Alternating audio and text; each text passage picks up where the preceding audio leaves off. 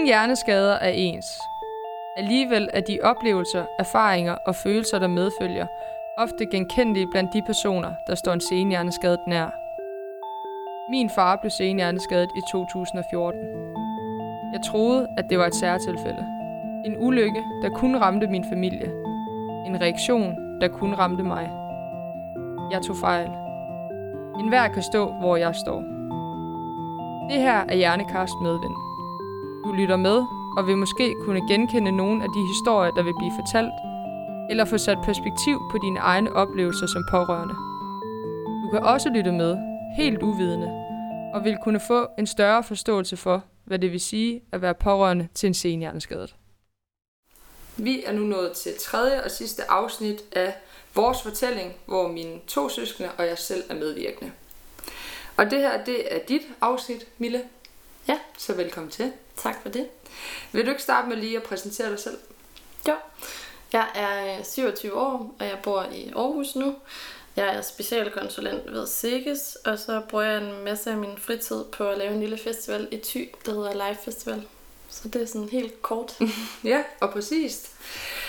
Øh, I de foregående afsnit, der har Lærke og jeg jo fortalt om, hvordan vi oplevede den 7. juni 2014, som er dagen, hvor far han faldt om og blev hjerneskadet. Ja. Og du oplevede det jo lidt anderledes, fordi du var jo ikke hjemme i Randers på det tidspunkt. Nej, jeg var oppe ved min øh, daværende kæreste i Thy, øh, hos hans forældre. Og jeg kan huske, at øh, Silke hun ringer til mig omkring frokost, da jeg sidder på café. Øhm, og Silke fortæller mig så, at øh, far har fået hul i hovedet, og han er på skadestuen nu, og øh, de vil køre op til ham og hente ham. Øh, så der er ikke noget, jeg skal være bekymret for. Det er bare mere sådan en information. Ja. Ja. Og hvordan forløb det sig så efterfølgende? Jamen, øh, så et par timer senere, eller måske en time senere, så ringer Silke igen, og jeg kan høre, at hun græder, og så siger hun så, at nu må jeg ikke sådan blive bange, men at øh, far han er kommet i koma, eller ligger i respirator. Mm-hmm. Øh, ja, så det var noget af et voldsomt chok at få. Øh, og jeg kan huske, at jeg selvfølgelig begynder at græde, og vi får hurtigt pakket sådan vores ting, og så kører vi mod Randers, så det er nok sådan, ja, noget af den længste køretur, jeg nogensinde har haft, føler jeg. Ja. Fordi jeg, jeg kunne egentlig ikke oplyse dig særlig meget, da jeg ringer. Og jeg synes også, det var mega ubehageligt at skulle ringe til dig og sige det, især fordi jeg sådan en time for inden havde sagt, at du ikke skulle bekymre dig. Det var Ja. bare lige for at give dig en opdatering på det. Ja, Øhm, og den der køretur, den er jo på hvad? Halvanden time, eller hvad? Fra ja, ja. Kan du sådan prøve at sætte ord på, hvad der går igennem hovedet på dig der? Øhm, jamen, jeg kan jo huske, at jeg sådan er helt vildt ked af det, øh, og jeg tror faktisk også, at jeg måske... Jeg ved faktisk ikke, om jeg får skrevet til nogle veninder der, eller, eller egentlig bare sådan sidder, sidder i bilen og bare håber at kunne komme så hurtigt som muligt til, til Randers. Jeg tror, det er sådan er lidt surrealistisk, hvad der lige er sket. Ja. Og så kommer I jo så til Randers. Ja, og inde på sygehuset, øh, og jeg ser jo så øh, far ligge der med alle de her slanger øh, Ja. om sig, og det er vildt ubehageligt, øh, og sygeplejersker, der prøver sådan at få, øh, jamen, prøver sådan at, jeg ved ikke, ikke at få kontakt til ham, men de undersøger ham i hvert fald, øh, ja, og det hele virker sådan lidt kaotisk. Ja. For det var jo mega kaotisk, og det var også sådan, de kunne heller ikke sige særlig meget. Øh, Vi fik, det vi jo fik at vide som det første, det var jo, at vi skulle ringe til nærmeste familie. Ja. Øhm, ja. Og så er det, vi bliver kaldt ind, kan jeg huske, ind i sådan et, øh, et lille rum, og der kommer en læge ind og forklarer noget med en tegning og noget med, ja, at der er sket noget op i hjernen. Øhm, ja, en hjerneblødning, eller faktisk flere hjerneblødninger, og at de vil sende ham til Aarhus, fordi der kan de sådan bedre tage sig af ham. Ja. Øhm, men jeg tror faktisk først, det er dagen efter, nu når jeg lige tænker efter, fordi jeg kan huske, vi overnattede i Randers. Ja, det, Øhm. ja. Ja, ja, for der var der om aftenen på dagen, det skete. Der, det var der, hvor vi alle sammen vi stod deroppe. ja, lige præcis. Og så tror jeg alle sammen, vi var med til den der samtale, så vidt jeg kan huske. Øh, og det hele går meget hurtigt, og så vidt sådan, det jeg oplever, er, at lægen meget hurtigt bare gerne vil have os ud af det der rum igen. Og jeg kan huske, at især Trisse græder rigtig meget, og vi er alle sammen i chok, og ja, min ekskæreste trøster Trisse, kan jeg huske Mm. øh, rimelig meget. Øhm, og så kører vi egentlig øh, efter ambulancen, kan jeg huske, til øh, Aarhus, Lærker og jeg. Ja, det gør jeg nemlig. Og øhm, Silke og Trisse bliver, eller I bliver i Randers sammen med øh, min ekskæreste, som passer på jer, eller hvad kan man sige. Øh, Ja, altså jeg kan bare tydeligt huske, at Tisse og jeg, vi sagde faktisk, at vi ikke havde lyst til at køre med. ja, Øhm, og der var din ekskæreste så helt vildt hurtigt til at sige, jamen så bliver jeg i Randers. Jeg kan huske, at vi går ned og køber slik for 120 kroner, ja, og sidder og ser film med ham, og glemmer sådan, altså han, han var bare mega god til at håndtere det egentlig, ja, og prøve at få os på andre tanker. Og så kommer I til Aarhus med ham, der et par dage efter. Det er Ja. et par dage efter, er det? Eller er det kun én dag egentlig? jeg tror faktisk kun det er en dag. Jeg tror, det er søndag, han kommer til Aarhus. Ja, Ja. Øhm, og de dage blander jeg sådan lidt sammen. Mm. Mm. Øhm, jeg er der en del, og jeg kan egentlig ikke lige huske sådan med Lærke. Jeg kan bare huske, at jeg i hvert fald sidder der en del. mm. Øh, og ja, har sådan blandede oplevelser med det. Øhm, der var både sygeplejersker, der sådan var søde omkring det hele, og var gode til at se, hvis jeg synes, det hele var sådan uoverskueligt. Øhm, også når man får at vide, at, man, at han måske ikke vågner op igen, og det man måske kan forvente, det er, at han er en grøntsag. Mm. Øh, så er det svært at sidde sådan og skulle vente på det på en eller anden måde. Øhm, og der var der nogle sygeplejersker, der var gode til sådan at, at lige spørge, om man har brug for luft, og om, man, om de lige skulle tale med en. Øh, og så var der andre sygeplejersker, som knap nok havde tid til at se på en. Øh, og det samme med lægerne. Det var svært, når man ikke helt øh, ja, øh, fik talt med nogle læger om det øh, ordentligt, hvad det er, der foregår. Ja. Øh, det hele sker bare rigtig hurtigt. At, ja. Ja, for det sker jo hurtigt, men ventetiden var også bare helt vildt lang. Fordi jeg tror, at da han så kommer ud af respiratoren, der er vi jo stadig sådan i en venteposition med, om han overhovedet ved, hvem vi er. Ja, altså da han vågner han og kigger på os. Nej. Ja. Og vi, vi stod jo egentlig bare og tænkte, ved han overhovedet, hvem vi er? Mm. For det kunne han jo ikke, altså han kunne ikke sige noget der. Nej. Nej, så den periode var sådan ret lang. Øhm, og det hele var sådan små skridt. Jeg kan huske, at øhm, de på et tidspunkt, en af sygeplejerskerne, får den idé, at det kunne være hyggeligt, hvis jeg spiste sammen med far dengang. Og det var dengang, han lige var kommet i sådan en, jamen en kørestol, vil jeg sige, men han ligger jo stadigvæk halvt ned, og han kan ikke snakke, og han kan ikke bevæge sig. Så han skal stadigvæk have sonde med, men han kan godt kigge på os. Mm. Øhm, og de sagde, at det kunne være rigtig godt, hvis vi havde et måltid sammen. Så de kommer ind med sådan en bakke med mad til mig. Og så er der en sygeplejerske, der samtidig sådan giver ham sondemad, og så skal vi sidde og kigge på hinanden. Og jeg synes bare, det var det mest ubehagelige måltid, jeg sådan, tror jeg nogensinde har haft, at skulle sidde og se på, at han fik sondemad, og at vi sådan skulle have et eller andet, ja, en hyggelig stund der sammen, tror jeg, de prøvede lidt at bygge op. Og jeg synes bare, det var vildt ubehageligt. Øhm, og det er en af de situationer, som man aldrig havde troet, man skulle opleve øhm, sig selv og sine forældre i. Helt sikkert. Jeg kunne godt lige tænke mig at snakke lidt med dig omkring det her med, at du er den ældste søster i vores flok. Og når man så kommer ud for en situation, som vi har gjort her med far, har det så en betydning at være den ældste. Jamen, det har det helt sikkert. Øhm, det var jo sådan, eller det er jo sådan, at øh, far er ikke gift, og på daværende tidspunkt havde han øh, børn, som var under 18, øh, Silke og Trisse, og Lærke boede også hjemme.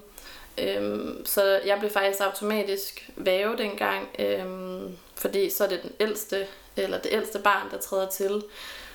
Øhm, ja, så, og det havde jo nogle sådan ret store konsekvenser, tror jeg, fordi det betød, at jeg tog mig meget af det praktiske. Øhm, der var nogle ting, jeg var nok nødt til at sætte i gang. Jeg følte øh, nogle gange, at vi faldt lidt uden for sådan de kasser, som der måske har været sådan lidt i kommunal regi, fordi der ikke har været nogen ægtefælle, som har været inde i tingene. Der var rigtig mange øh, ting, som jeg ikke var inde i overhovedet. For eksempel min fars økonomi, øh, og vi havde et hus, vi prøvede at sælge, eller ja, i ty. Øhm, så der var også nogle ting der, og noget med nogle lån, der, skulle, der faktisk var ved at blive omlagt, og alt muligt, som jeg jo ikke var inde i, og jeg havde vildt svært ved, hvilke valg jeg skulle tage, fordi jeg var hele tiden bange for, at jeg gjorde noget forkert. Øhm, jeg fik egentlig rimelig hurtigt sat en masse ting i gang. Jeg googlede, sådan, hvad gør man i sådan en situation her, øh, faktisk dagen efter far blev indlagt, fordi jeg tænkte, at øh, der skulle ske et eller andet. Så jeg fik ringet til hans arbejder om mandagen øh, og forklaret dem situationen, og jeg fik sat gang i, med forsikringen, og øhm, fik ringet til banken også, og fik sat dem ind i det, og vi skulle også finde ud af, hvordan altså, at alt blev betalt, og at der var penge til, til mad til jer, der boede hjemme, øh, fordi på en SU er det også svært lige at lægge ud for en hel familie, så det kunne jeg jo heller ikke gøre. Øhm, ja, så der var en masse ting, der sådan skulle sættes i gang, øh, og jeg føler måske ikke helt, at vi fik den støtte fra kommunen, som man havde håbet på i sådan en situation. Jeg følte lidt, at vi famlede i blinde, og ikke helt vidste, hvad det var, vi skulle gøre. Øhm, og jeg kan huske, at efter jamen, en uge eller to uger, der er der en socialrådgiver på sygehuset i Aarhus, der hiver fat i mig og forklarer mig, hvad det er, jeg skal gøre. For eksempel det her med at kontakte forsikringsselskabet, og der er noget, man kan få nogle penge for akut sygdom og alt sådan noget. Øhm, og det viser sig jo, at jeg havde allerede sat det hele i gang, og så var det egentlig lidt det. Øhm, og jamen, jeg kan ikke huske, om det er en uge eller to uger efter, øhm, han er blevet indlagt i Aarhus, hvor jeg skal til eksamen i Aalborg, Øh, og det, set i bagspejlet skulle jeg ikke være taget til den eksamen, men jeg var totalt i overlevelsesmode til at tænke, det kunne jeg jo ikke lade være med at tage til. Det var jo en vigtig semestereksamen. Øh, så jeg sidder med min gruppe og læser til eksamen på biblioteket, og så bliver jeg ringet op af en fra kommunen, øh, der sådan siger, at øh, om jeg vil have sylgatrisse i pleje, eller jeg sådan vil være væve for dem. Og lige sådan i øjeblikket, så ja, jeg kan bare huske, at jeg sådan er lidt chokeret over først at få det der spørgsmål sådan lige i telefonen. Og, og så tænker jeg, at nu er det snart sommerferie, og så kan jeg sagtens øh, være hos dem. Så flytter jeg bare til Randers, så det skal vi nok klare. Og far kommer også hurtigt hjem og sådan nogle ting. Så øhm, ja, der endte jeg jo bare med at sige, sådan, at jeg har ikke lyst til, at de skal pleje. Øhm, men igen, sådan set i bagspejlet, kunne jeg da godt have tænkt mig, at der havde været nogle muligheder for, sådan at de havde sat mig mere ind i, hvad det vil sige, at de måske, fordi jeg tænker stadigvæk den dag i dag på, om det havde været bedre for jer at komme, ja, eller i hvert fald have nogle kontaktforældre på en eller anden måde, fordi det betød jo også, at jeg på en eller anden måde blev jeres sådan, øh, ja, far, eller øh, på en eller anden måde sådan en forælder for jer, og det gjorde også noget ved vores søskende forhold. Øh, at jeg blev sådan lidt den der irriterende en, der sagde, at nu skulle jeg også lige huske at sætte tingene i opvaskeren, og øhm, ja, nu skal I komme øh, tidligt hjem fra byen, og alle de der sådan irriterende ting, øh, som der måske ikke er så sjovt for en søster at skulle sige til, til sine søstre. Øh, ja. Og det skal jo lige siges, at vores mor på det tidspunkt øh, ikke havde det helt vildt godt psykisk, øh, og hun prøvede jo at hjælpe os så meget som muligt, men det var også vildt svært for hende, både fordi hun ikke havde vildt meget overskud, men også fordi, at hun også var sat lidt uden for det rent juridisk, fordi at de ikke var gift mere, så min mor kunne heller ikke på den måde øh, ja, få en indsigt i noget med økonomi, eller hvis der skulle tages nogle større beslutninger, så var det jo mig, det hele hang lidt på. Øhm, så det er helt klart sådan farvet sådan hele min oplevelse af det, at det har været meget sådan det praktiske, jeg skulle tage mig af. Øhm, og det har jeg også, øh, hvad skal man sige, øh, kæmpet med efterfølgende, fordi jeg måske ikke helt har fokuseret så meget på, hvordan jeg egentlig har haft det i forløbet, og taget stilling til, at øh, far faktisk var ved at dø. Øh, der har det bare handlet om at skulle overleve øh, ja, alt det praktiske, der nu hører til. Ja. Ja, fordi man kan jo sige, altså du, du stod meget, som du selv siger, for det praktiske. Og der mm-hmm. kan man mhm. sige, der hvor mor ikke øh, kunne være der, fordi der var det juridiske i det. Jeg kan også huske, alle de, altså hun var også, altså det var hende, der kørte os til Hammel hver gang for at se far. Mm. Og jeg kan huske, at i starten, der sad hun faktisk nogle gange i bilen, fordi at hun kunne faktisk heller ikke holde ud at se øh, far, når han var, altså på det tidspunkt, da han var så syg og, og, og sådan noget. Det var også rigtig hårdt for hende at se det, ja, altså på det. Og jeg får egentlig også lige lyst til at knytte en kommentar til det her med, at du ser i bagspejlet og tænker, om det var den rigtige beslutning, du tog, også på vores vejen, om at, at blive vores væve. Øhm, og der kan jeg sige, at det var den rigtige beslutning, tror jeg. Altså, det er noget tid, så jeg også kan snakke om den dag i dag. Fordi at vi var jo bare teenager, og om det var dig, eller om det var far, der skulle fortælle os, at vi skulle stille vores ting i opvaskeren, eller vi skulle komme hjem fra en bytur eller en fest, jamen det havde egentlig ikke en effekt. Jeg tror, at, at for os, der gav det os en tryghed, at det var at det var det valg, du tog, altså at det var dig, der var i lejligheden. Jeg tror slet ikke, at, øh, at vi ville kunne etablere os i enten en plejefamilie, eller endda bare det at have en kontaktperson til andre voksne mennesker, fordi jeg tror ikke, det var det, vi havde behov for. Og jeg føler egentlig også, at da far, da det lige sker med far, der kan jeg faktisk huske, at vi havde et rigtig stort behov for at være sammen hele tiden. Mm. Altså os søskende. Ja. Så jeg tror, at det vil øh, skabe sådan en splid. Og, og jeg tror også, at det ville have haft en konsekvens, hvis Trissa og jeg også blev altså, splittet fra hinanden. For det kunne vi jo godt have været udsat for så. Mm. Eller det kunne have været en risiko. at vi røg i hver vores plejefamilie. Ja. Øhm, og så er vi jo selvfølgelig kede af, hvis det har haft nogen effekt på, på dig, at du ligesom, vi ved jo, at du var under rigtig meget pres med alle de ting, du tog på dig i forbindelse med fars sygdom. Men for os at se, der er vi jo i hvert fald rigtig taknemmelige og glade for, at du valgte at være ved os i lejligheden dengang. Ja, ja og det, altså sådan, det er jeg jo vildt glad for at høre, og jeg tror også bare, sådan, det har jo bare været sådan en, et overlevelsesmode, jeg ligesom har kørt i, at det var bare sådan, det var, og selvfølgelig skulle I ikke sendes i pleje. Det virkede bare helt surrealistisk. Men jeg kan bare godt tænke, altså jeg kan huske Trisse, hun sagde sådan, jeg snakker aldrig til dig, hvis du sender mig i pleje. Altså, da, øhm, og, det er teenage-modet, der ja, kommer frem. Og det forstår jeg jo virkelig godt, men på den anden side, så tror jeg også, at jeg havde vildt svært ved at manøvrere i, at jeg skulle skabe sådan en tryg hverdag, for jeg er i Randers, og jeg havde mit studieliv øhm, i Aalborg, øh, og begyndte sådan at engagere mig i frivilligt arbejde med Live Festival for eksempel, og øh, havde faktisk op til ja, hvad var det, jeg endte op med? Måske fem forskellige sådan, øh, fritidsjobs, jeg sådan lidt øh, manøvreret rundt i. Øh, og jeg tror, set i bagspejlet, og også noget af det, som jeg har talt meget med mine veninder om efterfølgende, så har jeg jo bare sådan prøvet at beskæftige mig mest muligt med alt muligt andet, for ikke at tænke for meget på sådan det følelsesmæssige i det. Øh, men jeg har jo helt klart stresset mig selv rigtig meget, også fordi jeg var så bange for, at jeg ikke gjorde det godt nok for jer. Øh, men jeg vil også gerne være der for mine veninder øh, og min kæreste dengang, og jeg vil også gerne klare mig godt på universitetet. Øh, ja. Så der var bare sådan rigtig mange forskellige roller for mig, tror jeg, øh, lige i den periode. Og også i årene efter. Og det, og det, det er der jo slet ikke nogen tvivl om. Men jeg vil sige, altså sådan, hvis man skal tænke tilbage i den periode, den sommer, hvor du boede hjemme, og mm. Lærke blev også student den sommer, man kan da også godt sådan grave lidt ned og finde nogle hyggelige stunder i det egentlig. Kan du huske den dag, hvor vi, der hvor at du skulle til Aalborg, kan jeg huske, hvor vi valgte at bage sådan var det tre brædder panna pizza.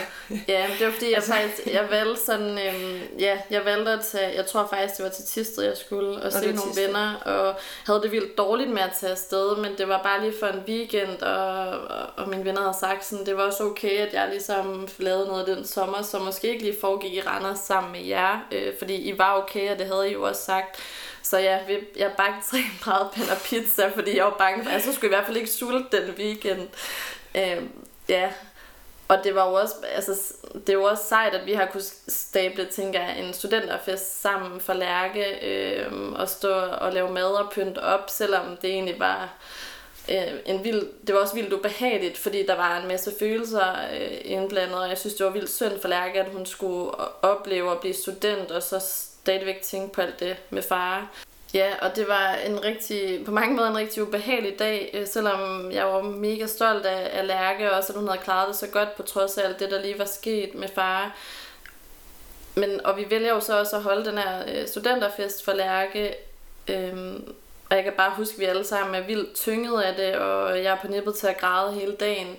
Øh, men samtidig får vi også bare vildt god støtte og opbakning for dem, der også er mødt op for at fejre Lærke, og, og havde en del af mine venner fra Aarhus og Aalborg Tisted, der kom til, til studentergilder, det glemmer jeg heller ikke, at de tog hele vejen for et par timer for at sige tillykke til Lærke, og ja, vise, at de var der. Generelt så synes jeg, at der er rigtig mange øh, i vores omgangskreds, der sådan tilbød deres hjælp, og om de skulle købe ind til os, og om de skulle hjælpe med at lave mad, eller um, ja, og Trisses klasse samlede ind til, at vi kunne tage biografen sammen. Øhm, sådan nogle ting, der måske kan virke sådan små, men som egentlig har vildt stor betydning, og det gjorde mig også rigtig glad, at folk skrev det. Jeg var bare rigtig dårlig til at tage imod den hjælp udefra, og jeg havde ikke lyst til, at vi skulle være en belastning for nogen. Øhm, jeg ved ikke, om det sådan bunder i, at jeg heller ikke helt kunne overskue det, øh, eller at det var sådan en tanke om, at vi godt kan klare det selv, og sådan lidt en facade på en eller anden måde, at det, det havde vi styr på det hele. Så hvis jeg sådan skal sige ja, et godt råd til andre, der måske desværre står i samme situation nu, så er det virkelig sådan at prøve at tage imod den hjælp, man kan få. Øhm, også bare, om det handler om at få besøg fra nogle veninder nede på sygehuset. Øh, det har jeg jo hørt fra veninder nu, at de var da kede af, at jeg ikke tog imod, at, øhm, at de skrev, at de gerne ville komme og besøge mig, og bare lige sige hej og vise, at de var der. Øh, fordi det havde, jeg, ja, det havde jeg egentlig ikke lyst til dengang, at, at de skulle komme og være på sygehuset sammen med mig. Men det ville måske have været en god idé, kan ja. jeg se nu. Ja, altså der er jo slet ikke nogen tvivl om, at det var en hård sommer, vi havde os. Ja, det var det. Øhm, og da sommerferien er overstået, så skal du jo tilbage til Aalborg. Mm. Og far han er på Hammel indtil oktober 2014, og i det gap, der er mellem, at du flytter tilbage til Aalborg, og far han kommer hjem, der er det jo så mor, der bor ved Trisse og jeg. Vil du ikke prøve at fortælle lidt om, hvilken effekt det havde på dig, da du kommer tilbage til Aalborg og bor selv? Jo, øhm, jeg oplevede, at der stadigvæk var rigtig mange ting, der sådan skulle tages af, eller hvad skal man sige, der sådan skulle op at stå øh, i Randers efterfølgende øh, omkring far. Øh, og igen føler jeg ikke helt, at kommunen slog til. Vi havde ja, en masse bøvl med at få de her ting sat i værk, såsom bostøtte og genoptræning og sådan nogle ting. Så det påvirkede mig selvfølgelig rigtig meget, fordi at øh, jeg selvfølgelig prøvede at have, have mit liv i Aalborg, og, øh, og alle de ting, jeg nu havde gang i, og havde lyst til at have gang i, og så var der jo stadigvæk det her hjemme i Randers. Øh, og jeg føler også, at vi som familie og så som søsende flok stadigvæk var mærket af, hvad det var, der var sket i vores familie. Og jeg kunne godt mærke, at tingene ikke fungerede helt optimalt derhjemme. Øh, det var jo ikke øh, far, som han plejede at være, der kom tilbage. Det var jo anderledes. Øh, og jeg synes, det var svært for mig, fordi jeg i en en meget lang periode ofte kun så faren, og det var fordi vi sådan skulle at jeg skulle hjælpe ham, så kom jeg hjem, og så gjorde jeg rent derhjemme, eller øh, så kom jeg hjem, og så var det fordi, vi skulle til et møde med banken, eller øh, der var alle de her praktiske ting. Øh, så det gjorde også, at, at far og jeg nærmest måske aldrig rigtig lige i starten i hvert fald snakkede om, mm, hvordan havde jeg det, eller vi lavede nogle sjove ting sammen. Det var virkelig bare sådan de praktiske ting i det. Så øh, det påvirkede mig rigtig meget, og tingene håbede sig op. Øhm, og jeg går også ned med stress, øh, da jeg starter på kandidaten. Øh, har jo godt kunne mærke, at tingene har håbet sig op. Øh, og også en frustration over, at vi ikke fik den støtte, som jeg måske følte, vi sådan skulle have haft øh, fra kommunen. Øh, og heldigvis havde jeg en, en, en kæreste dengang, og nogle veninder, som prikkede til mig og sagde sådan, nu går det ikke længere. Øh, havde blandt andet en episode, hvor jeg sådan begyndte at købe ind om natten i Netto, fordi jeg fandt ud af, at de havde 24 timers øh, åben, og så tænkte jeg, at det var jo smart, fordi så kunne jeg købe ind om natten, når jeg nu alligevel ikke kunne sove, og så havde jeg jo det ekstra sådan, rumtid til at klare en masse ting, sådan, øh, til, eller hvad hedder det, i dagtimerne. Øhm, og set i bagspejlet lyder det jo fuldstændig åndssvagt, men dengang, der tror jeg bare, jeg har været så presset, at det var bare sådan, det var vildt smart, tænkte jeg. Øhm, så ja, jeg var vist presset til det yderste. Øhm, og er kommet sådan meget godt ovenpå nu, øh, men det har da helt sikkert gjort noget, både for relationen til min kæreste dengang, og også til, øh, til mine venner, øh, ja, at jeg har været så presset, og også til jer som søstre.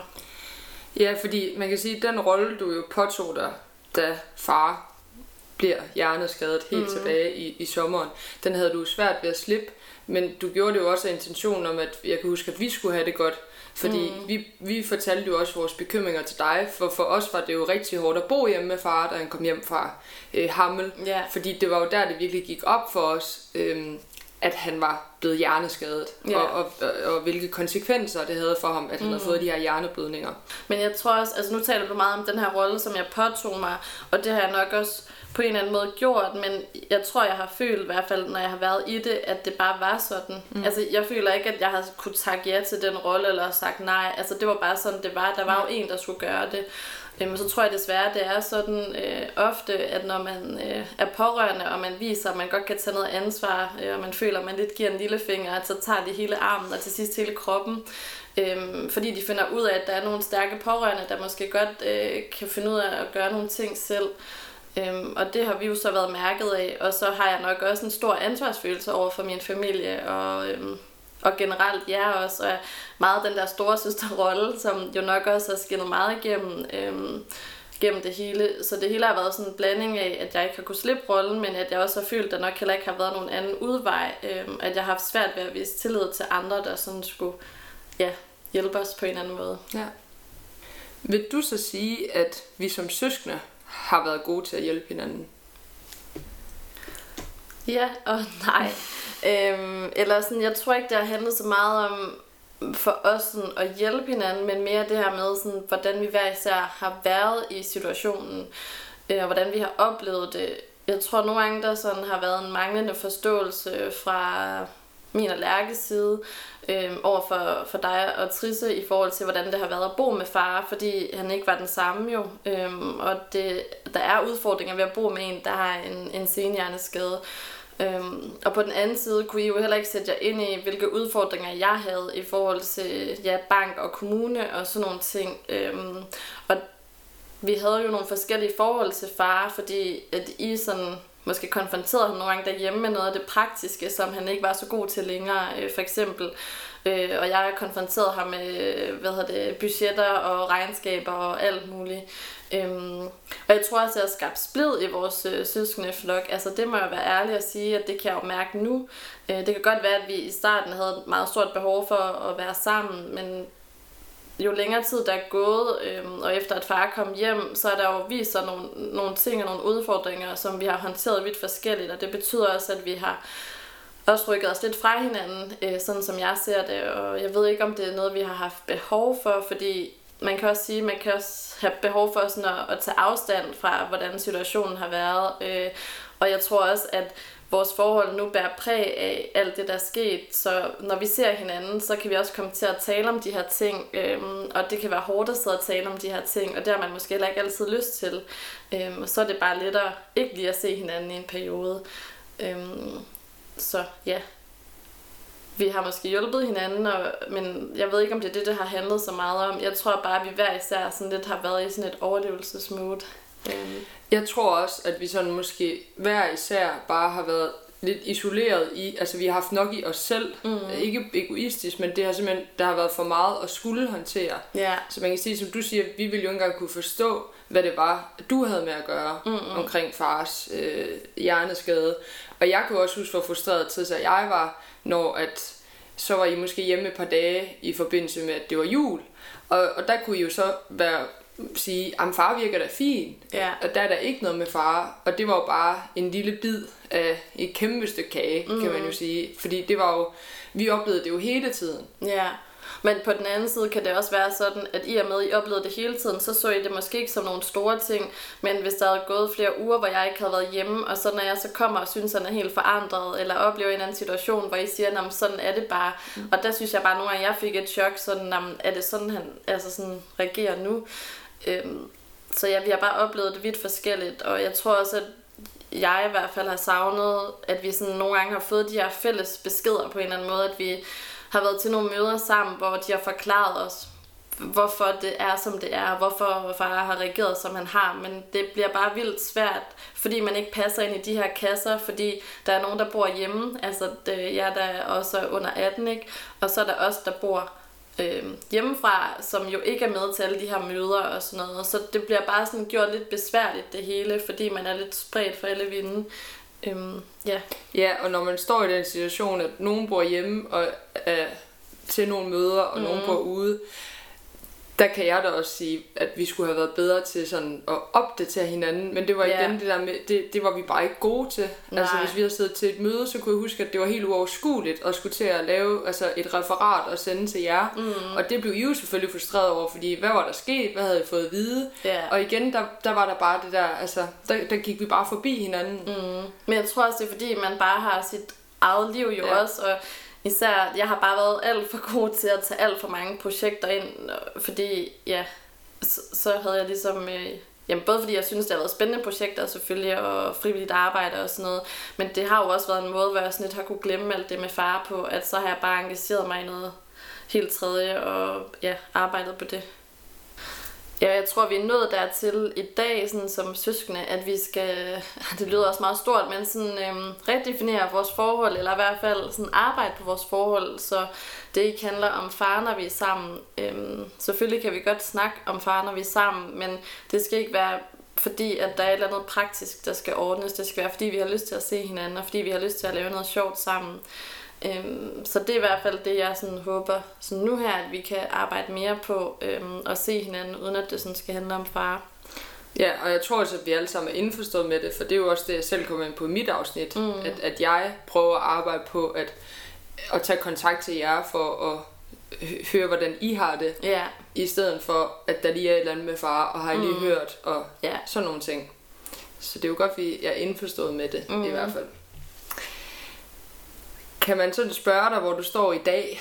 øh, Ja, øhm, altså det kan man godt.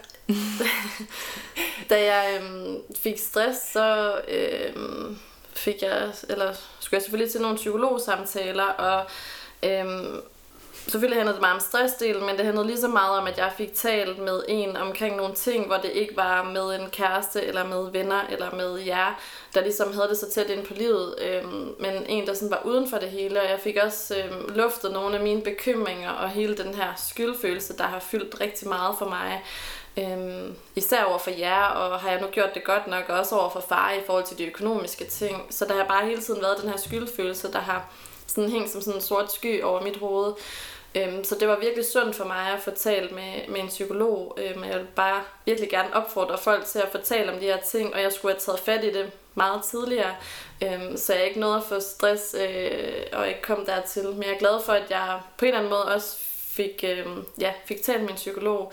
Øhm, og jeg tror bare, det er sundt sådan generelt at fortælle om det, og det betyder også, at jeg er meget bedre nu til at sætte ord sådan på det over for mine øh, venner og veninder. Også selvom jeg nogle gange godt kan have sådan, at jeg har ikke lyst til, at det altid er mig, der sådan har problemerne. Øhm, jeg tror også, at overfor mine venner nogle gange, så har de haft svært ved, at hvis deres problem er, hvilken øh, kjole skal de tage på til festen i morgen, ikke?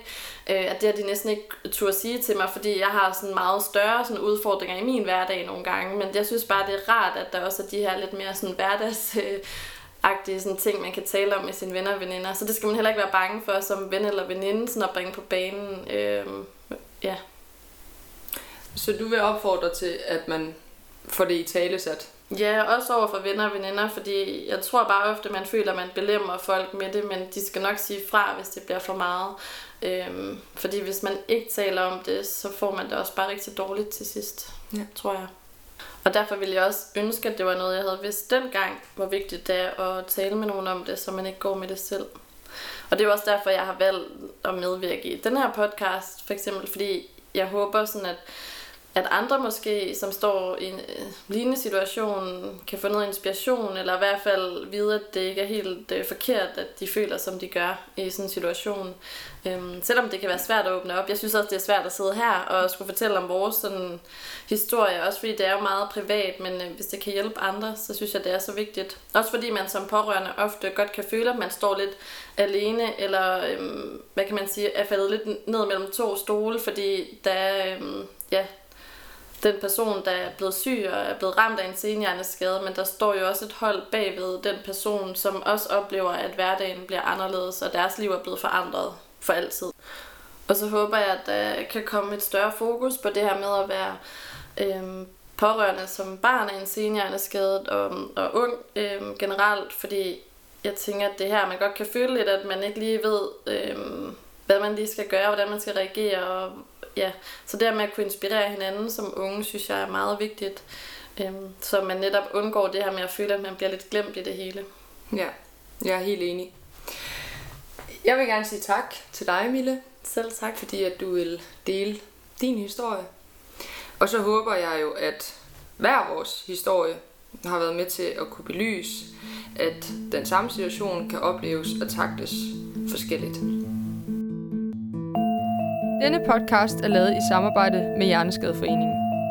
Jens Michael Østergaard er klipper og komponist. Mit navn er Silke Møller Nielsen, og jeg er vært og tilrettelægger på Hjernekast Medvind.